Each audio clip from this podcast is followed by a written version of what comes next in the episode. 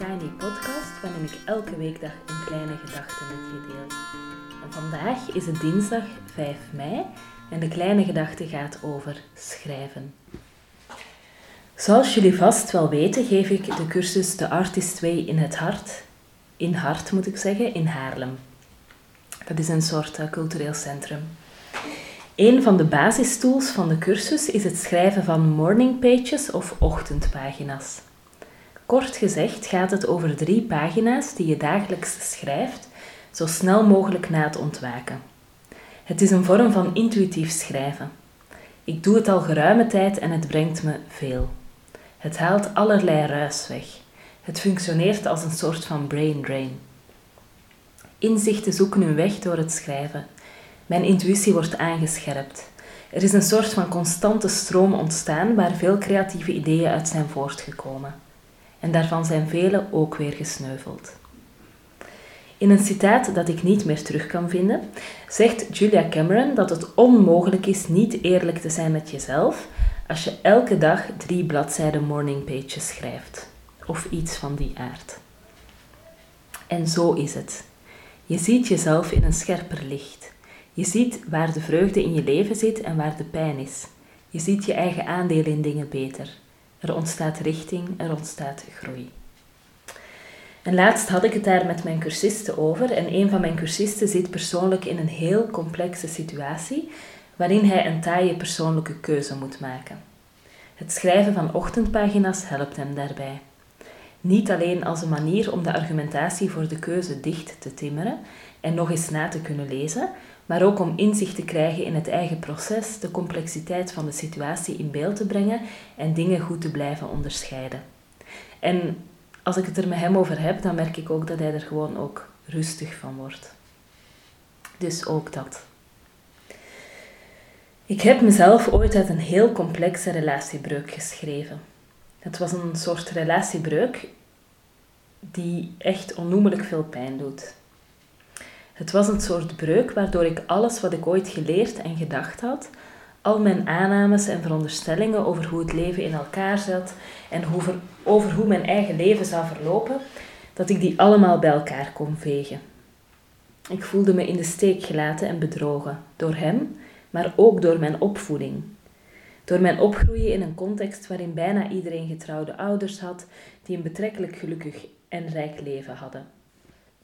Ik voelde me echt verraden door het leven zelf. Blijkbaar kwam het niet sowieso goed, ook niet als je je best deed. Blijkbaar overwon liefde niet alles. Blijkbaar is volhouden in bepaalde situaties eerder in je eigen vlees snijden, of je eigen vel moet ik zeggen, dan een romantisch ideaal volbrengen. En omdat ik door die relatiebreuk ook alleenstaande moeder werd, blijkbaar is een baan geen garantie tegen armoede. Blijkbaar kon ook ik in een situatie komen waarin ik vaak te moe was om te koken of op te ruimen of andere normale, dagdagelijkse basic dingen te, doen. Blijkbaar waren er veel mensen die moeten kiezen tussen het ene of het andere kopen in de supermarkt en was ik daar dus ook één van geworden. Enzovoort. Alles wat ik ooit over mezelf had gedacht, lag aan diggelen. Het was een periode waarin ik s'avonds ging slapen met angst om ochtends wakker te worden, omdat elke ochtend het nare besef weer op mijn hoofd viel. Dat ik alleen was, dat hij weg was gegaan, dat ik niet wist hoe het verder moest en dat ik moe was. Ik googelde in die periode hoe lang verdriet duurt. Zo wanhopig was ik. Hoe je iets moet verwerken. Hoe dan, hoe dan? En hoewel Google your best friend is, weet Google ook niet alles. En wat ik vervolgens maar deed was schrijven. Schrijven, schrijven, schrijven. Ik schreef me er dwars doorheen. En dat schrijven had verschillende functies en de inhoud van wat ik toen geschreven heb verschilt ook heel erg. Maar ik schreef me vrij van aannames en principes die me verraden hadden, van dingen die niet goed voor me waren. Ik schreef mijn boosheid van me af, gaf uiting aan mijn verlangens, onderzocht ideeën en inzichten. Ik stelde me duizend vragen, maar ook ik begon mijn eigen aandeel te zien en dat te onderzoeken. En ik groeide en veranderde. En vandaag kijk ik terug en ik ben er aan voorbij. Maar ik heb wel alles opgeschreven en hoewel ik hetzelfde doe, kan ik teruglezen hoe het toen was, op welke donkere plekken ik geweest ben, waar de lichtpuntjes zaten, hoe ik de weg terug heb gevonden, welke patronen me in hun macht hielden en welke ketens ik heb doorbroken. Het schrijven zelf is daarbij niet enkel een soort van verslag of een spoor om terug te volgen, maar ook de manier geweest om de weg te gaan, de noodzakelijke transformatie door te maken. Dus het schrijven, het proces van het schrijven zelf, zorgde dat er beweging kwam. Dus het was niet enkel een soort van ja, verslagje of een soort van dagboek, maar het was ook echt het proces zelf. En nu schrijf ik dus morning pages. En het is alsof je schrijvende zelf, zeker of toch in mijn geval, zeker als je intuïtief schrijft, altijd meer weet dan je bewuste zelf. Bepaalde thema's komen wekenlang dagelijks terug en verdwijnen dan op de achtergrond. Soms zie ik zwart op wit staan hoe kinderlijk ik kan zijn of hoe kleinzielig. En soms lees ik wijze dingen die mij verwonderen dat ik ze zelf heb geschreven en die ik echt heel graag meeneem. Ik heb ooit uh, uit een flow, denk ik, ja, uit de flow, een uh, stukje gescheurd um, met de titel Wat schrijven je kan brengen. Um, en dat is een soort van opsomming van interessante onderzoeken over wat schrijven je kan opleveren. Bijvoorbeeld in de jaren 80 heeft de Texaanse psycholoog James Pennebaker onderzoek gedaan met schrijfopdrachten voor studenten. Hieruit bleek dat schrijven over emoties een positief effect heeft op de geestelijke en lichamelijke gezondheid. Er staat nog: schrijven heeft op mensen die rouwen een positief effect. Blijkt uit onderzoek aan de Universiteit van Utrecht. Ze piekeren minder en de emotionele eenzaamheid neemt af. Nog, nog een voorbeeld dat flow heeft. Gestructureerd schrijven over schokkende ervaringen doet allerlei klachten verminderen. Zo wees in de jaren 90 onderzoek aan de Universiteit van Amsterdam al uit. Cliënten waren na een paar uur schrijfsessies minder angstig, gespannen, vermoeid en depressief. Nog een uh, voorbeeld. Onlangs deed de Universiteit van Twente onderzoek naar de effecten van autobiografisch schrijven op depressie. Het onderzoek stond in het kader van een nieuwe stroming, de narratieve psychologie. Hierbij staat het zelfgeschreven levensverhaal van de cliënt centraal. Dan uh, nog twee voorbeelden, die geef ik dan ook maar even. Aan de Universiteit van Chicago is laatst onderzoek gedaan naar de effecten van schrijven op studenten met faalangst. Vlak voor een examen konden zij schrijven over die angst en hun zenuwen. Wat bleek, hun resultaten verbeterden.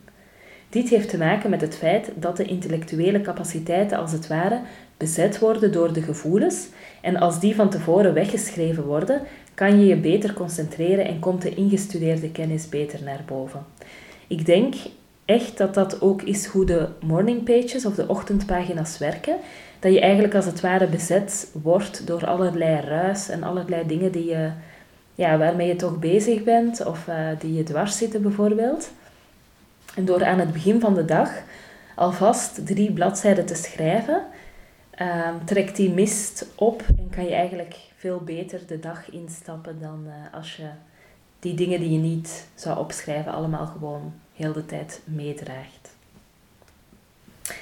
En dan tenslotte toch nog ook het laatste voorbeeldje uit Flow om, uh, om volledig te zijn. Er staat nog uh, eh, Dr. Matthew Lieberman, neuroloog aan de Universiteit van uh, Californië, stelt dat schrijven met pen en papier een soort van onbewuste regulatie van de emoties teweeg brengt. Hij denkt dat dit ook de reden is waarom zoveel mensen een dagboek bijhouden. Of waarom bijvoorbeeld enthousiaste liedjeschrijvers toch doorschrijven, ook al hebben ze gehoord dat de teksten niet al te best zijn. Kortom, schrijven helpt. Bij ongeveer alles. Um, even kijken. Um, ja, in juni start ik zelf een online cursus over die morning pages. Die heet uh, de uh, eh, 30 Days of Morning Pages. En er zitten 30 lessen in over schrijven. En voor elke dag daarnaast ook iets dat ik aanreik voor de morning pages zelf. Bijvoorbeeld een vraag waarmee je kan inchecken bij jezelf. Uh, een schrijfopdracht, dus verschillende dingen. Dus eigenlijk heb je per dag van de cursus heb je twee dingen. Namelijk iets dat meer gaat over schrijven en over je eigen proces en bewustwording van bepaalde dingen. En dan ehm, een tweede les eigenlijk, waarin een vraag wordt aangereikt of een gedachte, met de uitnodiging daarover te schrijven. Dus eigenlijk is het een soort van 30 eh, Days of Morning Pages, bestaande uit 60 lessen die je kan doen. En het idee is dat je die niet per se ehm, allemaal na elkaar moet doen, dus 30 dagen op rij, al kan het wel. Maar ehm, het idee is dat je in juli start en je zou dan bijvoorbeeld uh, heel de zomer door om de twee of drie dagen Ehm, kunnen schrijven. Ehm, even kijken. Ja, er zijn varianten van de cursus met persoonlijke begeleiding en ook een variant met groepsessies. En ik zet de link in de show notes. Met de code Early Bird, en dat is aan elkaar en met kleine lettertjes, kan je inschrijven met 25% korting tot 15 mei. En als je je op zondag aanmeldt, dan is het moederdag krijg je een zoet moederdag cadeautje met de post toegestuurd. Dus je kan ook eventueel de cursus cadeau doen aan je moeder of uh, aan een moeder waarvan je denkt dat die wel wat me-time kan gebruiken en wat tijd om bij zichzelf te komen en die connectie met zichzelf goed te maken door te schrijven. Dus op zondag kan je met de kortingscode um, de cursus aankopen. Die start op 1 juni. En dan krijg je ook met de post nog een cadeautje, een zoet moederdag cadeautje toegestuurd. En daar doe ik dan ook een kaartje bij.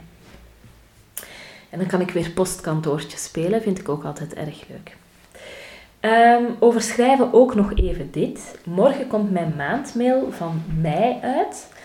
Ehm, en om in de sfeer te blijven van het schrijven zit er een winactie in met drie pretletterpakketjes. En wat zijn pretletterpakketjes? Dat zijn papercraft pakketjes rond uh, brieven schrijven. Um, als je je inschrijft via mijn website uh, of je e-mailadres doorstuurt via een PM op Instagram, krijg jij mijn maandmail ook in je inbox. Dat schrijven helend kan zijn, was al duidelijk in deze podcast. En schrijven kan ook helpen om een specifieke gebeurtenis een plekje te geven, zoals ik net heb uh, toegelicht over mijn relatiebreuk. Uh, maar dat kan bijvoorbeeld ook een rol spelen bij het verwerken van een bevalling. Janneke Jonkman van My Little Dutch Diary heeft een online cursus ontwikkeld rond het schrijven van je geboorteverhaal en zij schrijft daar het volgende over. Een traumatische bevalling hoeft niet gepaard te gaan met een bijna doodervaring of andere heftige gebeurtenis. Soms kan ook iets ogenschijnlijk kleins toch leiden tot een naar gevoel na afloop. In het medisch rapport wordt dan gesproken van een probleemloze bevalling, terwijl het voor de moeder niet zo voelde. Je hebt geen invloed op hoe heftig iets bij jou binnenkomt. Een trauma overkomt je, zegt Diana Koster in haar boek. Soms raakt iets wat tijdens je bevalling gebeurt aan een pijnplek uit je jeugd en komt het extra hard binnen. Ook als er de afgelopen drie jaar meerdere ingrijpende gebeurtenissen in je leven hebben plaatsgevonden, heb je meer kans om door je bevalling uit balans te worden gebracht.